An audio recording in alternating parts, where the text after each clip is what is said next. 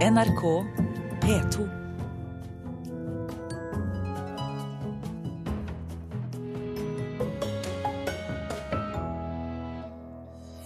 Filmselskapene vil ha slutt på 18-årsgrense på film, men Vold-forsker mener det er en dårlig idé. 16-åringene vi snakket om, mener de er fullt i stand til å se både det ene og det andre. De russiske aksjonistene i gruppen Pussy Riot vil påvirke russisk fengselsvesen med film fra Bastøy. Og Apple-aksjen falt etter lanseringen av to nye smarttelefoner. 18-årsgrense på film er utdatert og bør fjernes, mener Norske filmbyråers forening. Det skriver de i sin høringsuttalelse til regjeringens forslag til ny lov for regulering av film og bildeprogram. Filmer med vold, overgrep og sex kan, store, kan få store konsekvenser om de blir sett for tidlig, mener voldsforsker. Jeg er 16, og liksom, jeg har ikke noe problem med å se 18-årsgrenser eller filmer på 18-årsgrense? Nei, jeg tror ikke jeg tar skade av 18 år. Ja, 16 er bra grense, egentlig. Tre 16-åringer på Karl Johan. De syns 18-årsgrensa på film er unødvendig, sjøl for svært valdelige filmer. Vi skjønner jo det, vi er 16 år. Det er ikke noe, det er ikke noe problem å se det, egentlig. Og den meninga deler leder i Norske filmbyråers forening og sjef for SF Film Norge, Guttorm Petterson. Eh, vi mener at vi bør sammenligne oss med Danmark og Sverige, først og fremst, som har avskaffet 18-årsgrensen eh, for lenge siden. Og da er det 15 år som er øverste grense. Vi foreslår 16. I forslaget til ny lov for vern av mindreårige mot skadelige bilettprogram ber regjeringa om tilbakemeldinger på flere alternativ til aldersgrenser. Alle med 18 år som øverste grense. Men i si høringsfråsegn tar filmselskapene til orde for at 16 år er høyt nok. Men nå foreslår man jo å senke stemmerettsalderen kanskje til 16 år, og andre, i andre sammenhenger så, så, kan ikke jeg se at eh, en 16-åring som velger å gå på kino, er noe, er noe mindre umoden. Filmer som ikke blir sendt til vurdering av Medietilsynet, må sendes med 18-årsgrense. Det gjaldt 18 filmer i 2012.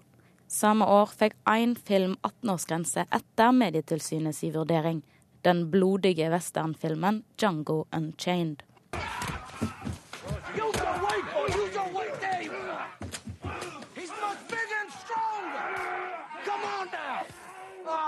Jeg tror det er eh, viktig å opprettholde den grensen. Valdsforsker og tidligere medlem av klagenemnda i Medietilsynet, Ragnhild Bjørnebekk, har forska på hvordan valg på fjernsyn og film påvirker unge. Den dokumentasjonen for at det har negative effekter, den er overveldende. Og så ser de at de som har vært eksponert for veldig mye vold i mediene, de utvikler seg til å bli mer aggressive, også som voksne. Og hun mener det er stor skilnad på 16- og 18-åringer framfor lerretet. 16-åringers hjerne, og det gjelder spesielt gutter, den er ikke utviklet sånn at de er i så veldig god stand til å se konsekvenser av handlinger. Eh, de er også eh, mer spenningssøkere. Eh, de, har, de er lettere påvirkbar, sånn at det er forskjeller. Nye aldersbestemminger vil gjelde for alle billedmedium. I år har det allerede kommet om lag 140 DVD-er med 18-årsgrense. Seniorrådgiver i Medietilsynet Berit Andersen vil beholde toppgrensa som den er, og bekymrer seg for mer enn voldsfilmene. Men vi vet jo at alle, eh, alle erotiske filmer eller sexfilmer de får 18-årsgrense automatisk. Og hvor mange er det? Det er 908 var det i 2012, så i overkant av 900 filmer. da. Og det er kanskje ikke filmer som man eh, ønsker at 15-åringer skal eksponeres for. da. Jeg tror ikke de har tenkt konsekvensene helt av dette. Men den bekymringa deler ikke Petterson. Ja, jeg er også mer betenkt når det gjelder vold enn enn sex, for å si det slik. 16-åringene tror heller ikke sex er noe de er for unge til å se på. Du tar ikke skade av det heller? Nei, det er Vi lærer jo om det på skolen og alt sånt. Så. Da kan du like godt kjøre på film? Ja, ikke sant. Og det var reporter Maria Pile Svåsand som hadde truffet 16-åringene på Karl Johans gate.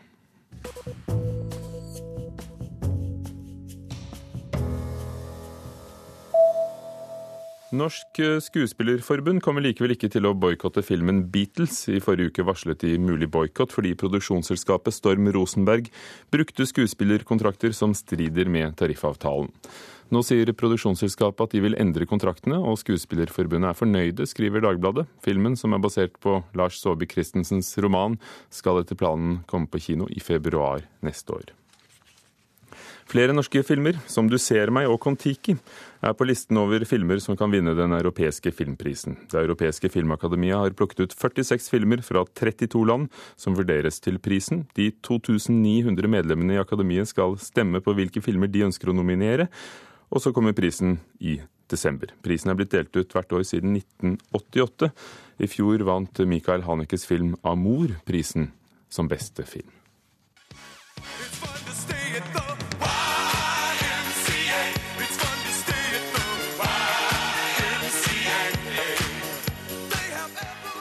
Victor Willis i Village People kan tjene gode penger på sangen han synger her, og som han også skrev, i tillegg til slagere som Go West og In the Navy. En dom i California er kommet til at selv om plateselskapet en gang eide rettighetene til sangene, gjelder en lov som gir låtskriverne tilbake disse rettighetene etter 30 år. Hvis dommen blir stående, vil Victor Willis muligens forby gruppen som fortsatt heter Village People, å fremføre sangene sine som en protest mot plateselskapet, skriver New York Times.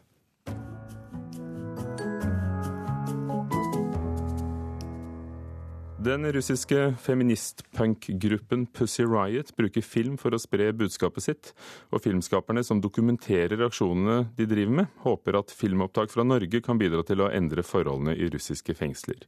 I dag møter filmfolkene som følger Pussy Riot, sine norske kolleger under Nordkapp filmfestival. De hamrer løs på et russisk oljerør. Pussy Riots siste aksjon skjedde i juli og var mot russisk oljeindustri. På en scene av oljerør synger de ut mot at omverdens avhengighet av russisk olje og gass gjør det mulig for Putin å fortsatt ha makta i landet.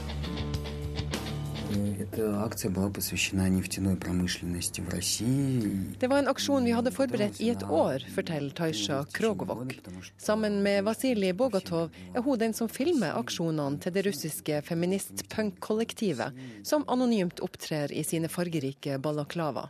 I går var Taisha og Vasili i Tromsø på vei til filmfestivalen i Nordkapp, hvor de på et seminar skal fortelle hvor viktig anonymitet og sikkerhet er når de dokumenterer Pussy Riot sitt virke.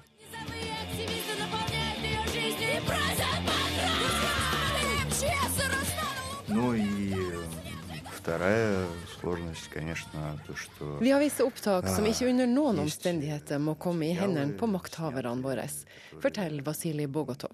Distribusjon kan gi fem års fengselsstraff, mener han. Fortsatt sitter to av Pussy Riot sine medlemmer fengsla etter opptreden i ei kirke i Moskva i fjor, hvor de sang si kritiske punkebønn mot Putin.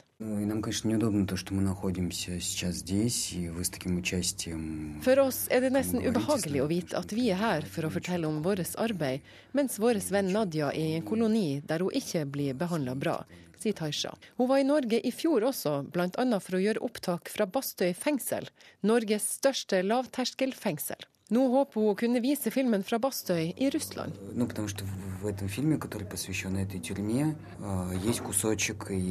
Vi mener at Norge har et av verdens beste fengselsvesen, sier Taisha. Hun er overbevist om at dersom bare én person i det russiske fengselsvesen ser denne filmen, så vil det kunne gjøre masse for å endre systemet i Russland. Taisha har opplevd det russiske fengselet på nært hold når hun har besøkt sin venninne Nadia. Hun kan fortelle om streng bevoktning, om fysisk avstand og fornedrelser. De to russiske filmskaperne med utdanning fra dokumentarfilmskole i Moskva jobber også med andre prosjekter enn Pussy Riot. Men de innrømmer at det siste året har aksjonsgruppa tatt det meste av engasjementet deres. I dag har Pussy Riot engasjert seg både i immigrasjon, helsevesen, fengselsvesen og altså olje. Men uansett hva de gjør, understreker de at de ikke er interessert i å lage propaganda. Vi har ingen ønske om å besvare propagandaen som kringkastes fra russisk TV med annen propaganda, sier de.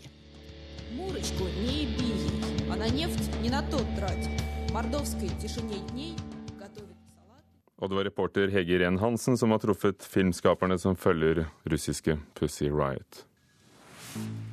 Kvart over åtte, Nyhetsmorgen i NRK, overskriften i dag. Obama gir diplomatiet en sjanse. USAs president ber Kongressen utsette et vedtak om militæraksjon mot Syria. Sentrumspartiene i Norge går inn i regjeringsforhandlinger uten å stille ultimatum. Ikke engang et oljefritt Lofoten og Vesterålen er et ufravikelig krav, sier Venstre-leder Trine Skei Grande. Og Beethoven, Mandela, Darwin og Turner, store historiske personligheter, står sammen på scenen på Rogaland teater i år.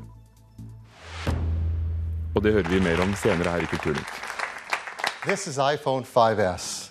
It is made of a high grade aluminum with diamond cut chamfered edges, perfectly matched glass inlays.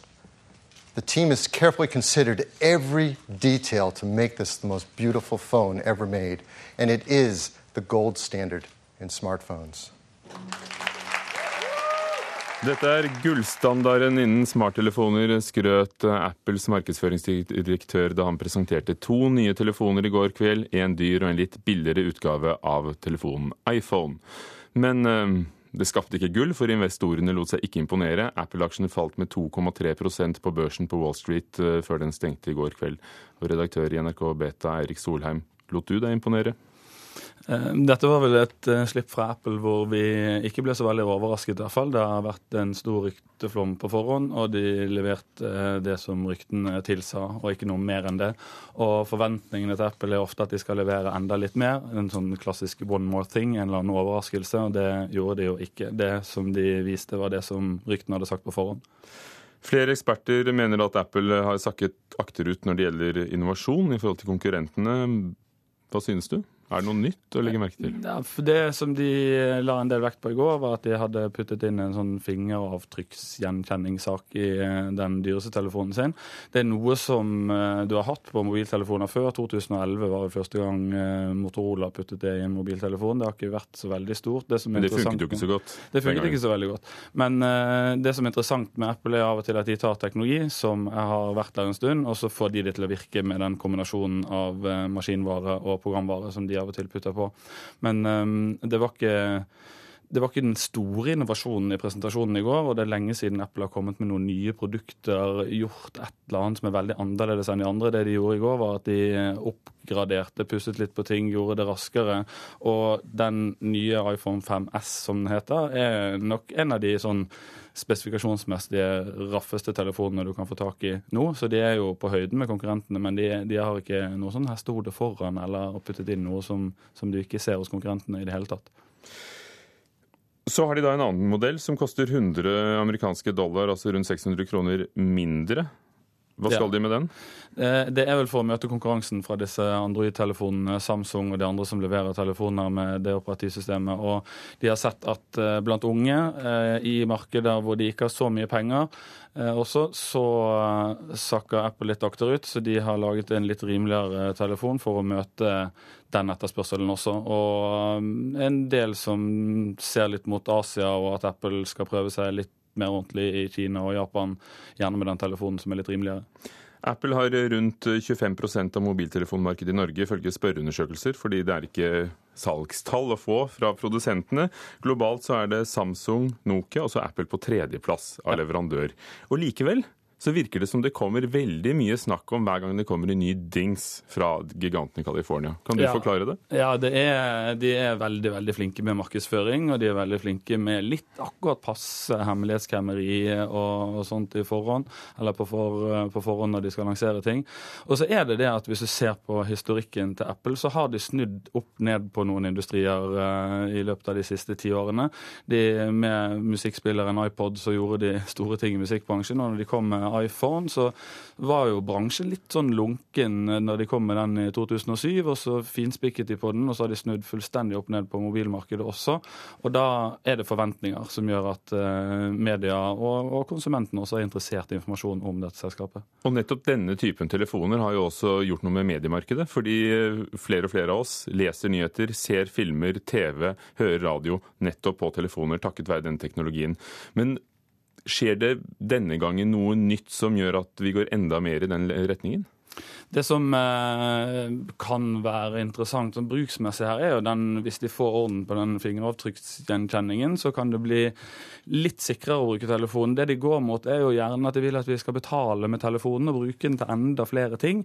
Og da må den være sikrere hvis vi skal gjøre det. Og det er noe som kanskje kan peke i retning av en eller annen endring. Om det blir akkurat med sin telefon, eh, det vet vi ikke, men det å bruke mobilen som lommebok er noe som vi ser litt i horisonten her. Og det er et stort marked? Det er et stort marked, og der er det mulig å tjene penger. I forrige uke kjøpte Microsoft eh, Nokia. Vil Apple få mer konkurranse fra den siden, tror du? Vi som konsumenter håper jo det. Eh, og det som Microsoft får da, er at de får bedre kontroll over både programvare og maskinvare, noe som viser seg å være ganske lurt i denne bransjen. Så jeg håper jo at eh, det blir mer konkurranse mellom alle produsentene. Men er det lurt for forbrukerne at noen får mer kontroll over både, både det som er på produktet og selve produktet? Så lenge det er flere produsenter av både maskinvare og programvare, så er det helt greit for forbrukerne. For det, på dette markedet her så nytter det ikke med blå skjerm og ting som krasjer. Du vil ha noe som bare bare virker, og det viser seg at det er lettere hvis du har full kontroll på hele kjeden. Takk, Eirik Solheim i NRK Beta. Ludvig van Beethoven, Nelson Mandela, Charles Darwin og kunstner William Turner er alle storheter som føres sammen på scenen. Fire begavelser som oppnådde store ting etter dype kriser, er blitt rollefigurer i Teaterkonsert Beethoven, som er Rogaland Teaters store satsing.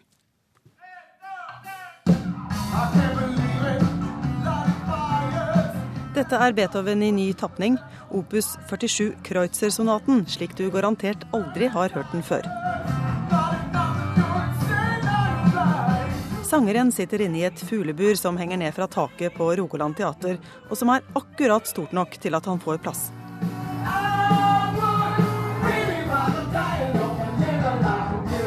Erik Rød spiller Nelson Mandela, anti-apartheid-aktivisten som etter 27 år i fangenskap ble Sør-Afrikas president. Det ser trangt og klaustrofobisk ut, og òg varer over tid. For at når man da ikke er i, den, eh, i det buret, så vil det forhåpentligvis da virke befriende. I teaterkonsert Beethoven spilles lysets svaksynte kunstner William Turner av Sigurd Sele. Vi møter den moderne evolusjonsteoriens far, Charles Darwin, Nelson Mandela og selvsagt komponisten som mistet hørselen, Ludvig van Beethoven. Et logisk firkløver, ifølge regissør Nicolai Sederholm. Det der er fantastisk ved dem alle sammen, er jo at de på en eller annen måte gjør noe som er helt ekstraordinært fantastisk pga. den krise de har vært igjennom. Altså, de skal inn i mørket for å kunne se lyset. Altså terroristen han skal inn i mørket i 27 år, før han kommer ut og sier lad os alle sammen omfavne hinanden og være søde ved hinanden. Og Darwin han skal også igennem en masse ting, før han tør å si det. Han lider av social fobi, så da han gjør det, er det jo kun fordi han er tvunget til å gjøre det. Han føler seg tvunget til å gjøre det. Turner kommer jo til å gå impressionisterne i bedene 60 år før impressionisterne kommer. Eeny, meeny, miny, little, winny, teeny, tiny, on a string. Komponistbrødrene Hellemann endevender kjent musikk, og danskene har gjort teaterkonserter til en eksportartikkel. Etter gjestevisitten med Mozart i fjor, er de tilbake i Stavanger med Beethoven denne gangen, og et nesten helnorskt ensemble.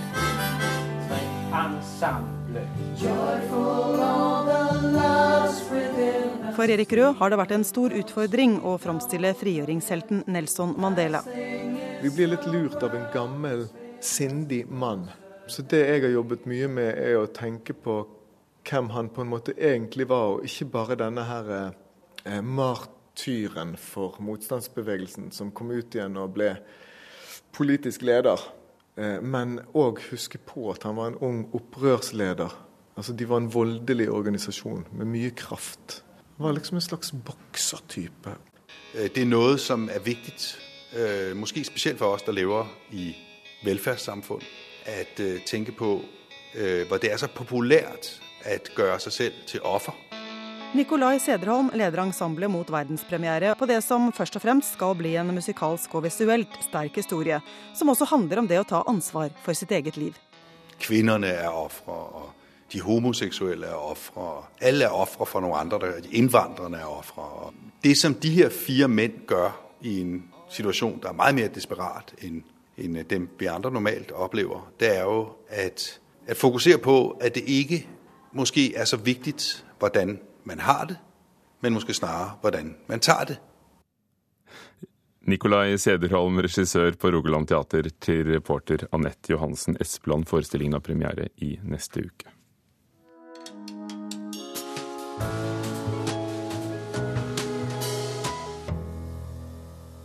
Boken 'Jernteppe' er kommet på norsk. Da den kom i USA for noen år siden, var det med undertittelen 'Knusingen av Øst-Europa fra 1944 til 1956'. Dette er en spennende og sjokkerende bok om den kalde krigen, men for full av historier og for fattig på historie, mener vår anmelder Arnhild Skred. Den amerikanske journalisten og historikeren Ann Applebaum fikk i 2004 den amerikanske Pulitzerprisen for boka Gulag. Nå kommer 2012-suksessen hennes Jernteppet på norsk. Originalen har også en undertittel. The Crushing of Eastern Europe 1944-1956. Begge titlene er på sin måte misvisende. Boka gir ikke et fullt innblikk i delinga av Europa. Hun omfatter på langt nær hele Øst-Europa. Men la oss først se på hva Applebaum vil fortelle. Jernteppet er ei bok om hvordan Stalin-Sovjet etter andre verdenskrigen innførte totalitære regimer i Polen, Ungarn og Øst-Tyskland. Tre ulike områder før krigen, med ulik historie, som havna under sovjetdominans da vest- og østmaktene delte Europa mellom seg fra 1944.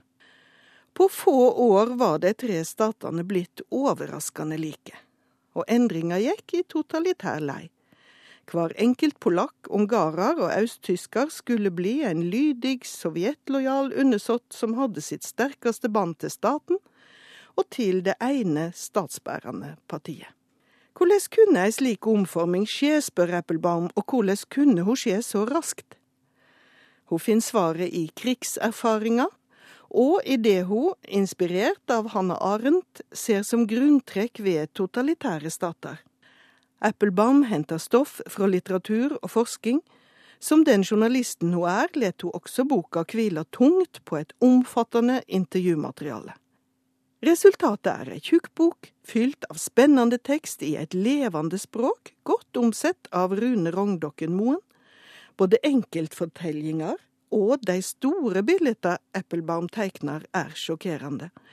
Likevel blir jeg innimellom trøtt av mengden historier og av mangelen på overgripende historie.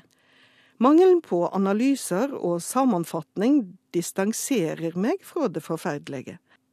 Jeg blir dessuten distrahert av at Applebaum verken gjør sitt eget historiesyn tydelig nok, eller drøfter motstridende synspunkt med større åpenhet. Den psykologiserende og lite nyanserte måten hun leverer sin sovjetkritiske budskap på, mangler komparative blikk, til dømes på vestleg paranoia, sjøl om yrkesforbud og overvåking i Vesten på langt nær skapte like klaustrofobiske samfunn som i østblokka. Jernteppet er ikke ei bok som gjev brei innsikt i det delte Europa under den kalde krigen. Det er ei bok som forteller hvordan enkeltmennesket opplevde at et mektig, altomfattende og voldelig regime skaffa seg nakkegrep på dem og på det sivile samfunnet. Konteksten er sterkt vinkla, men fortellingene er sterke og viktige nok. Sa Arnhild Skred om jernteppet av Anne Applebaum. Skaperne av tegneseriefiguren Batwoman bryter med forlaget DC Comics etter eh, at de ble nektet å la den lesbiske superhelten gifte seg. Forfatterne ble frustrerte og sinte da forlaget sa nei til å utgi tegneserien der Batwoman gifter seg med kjæresten Maggie Sawyer. Superhelter skal ikke ha lykkelige privatliv og kan derfor ikke gifte seg, er forklaringen fra forlaget, skriver engelske The Independent. I Kulturnytt i dag har vi hørt at filmprodusentene ønsker å bli kvitt 18-årsgrensen. Eller distributørene. 16-åringene vi traff gir dem helt rett i at de kan se både sex og vold, mens voldsforskeren advarer. Kulturnytt var ved Hanne Lunås, teknisk ansvarlig, Halvor Haugen, produsent, og Ugo Fermariello, programleder. Og dette er Nyhetsmorgen NRK. Hør flere podkaster på nrk.no podkast.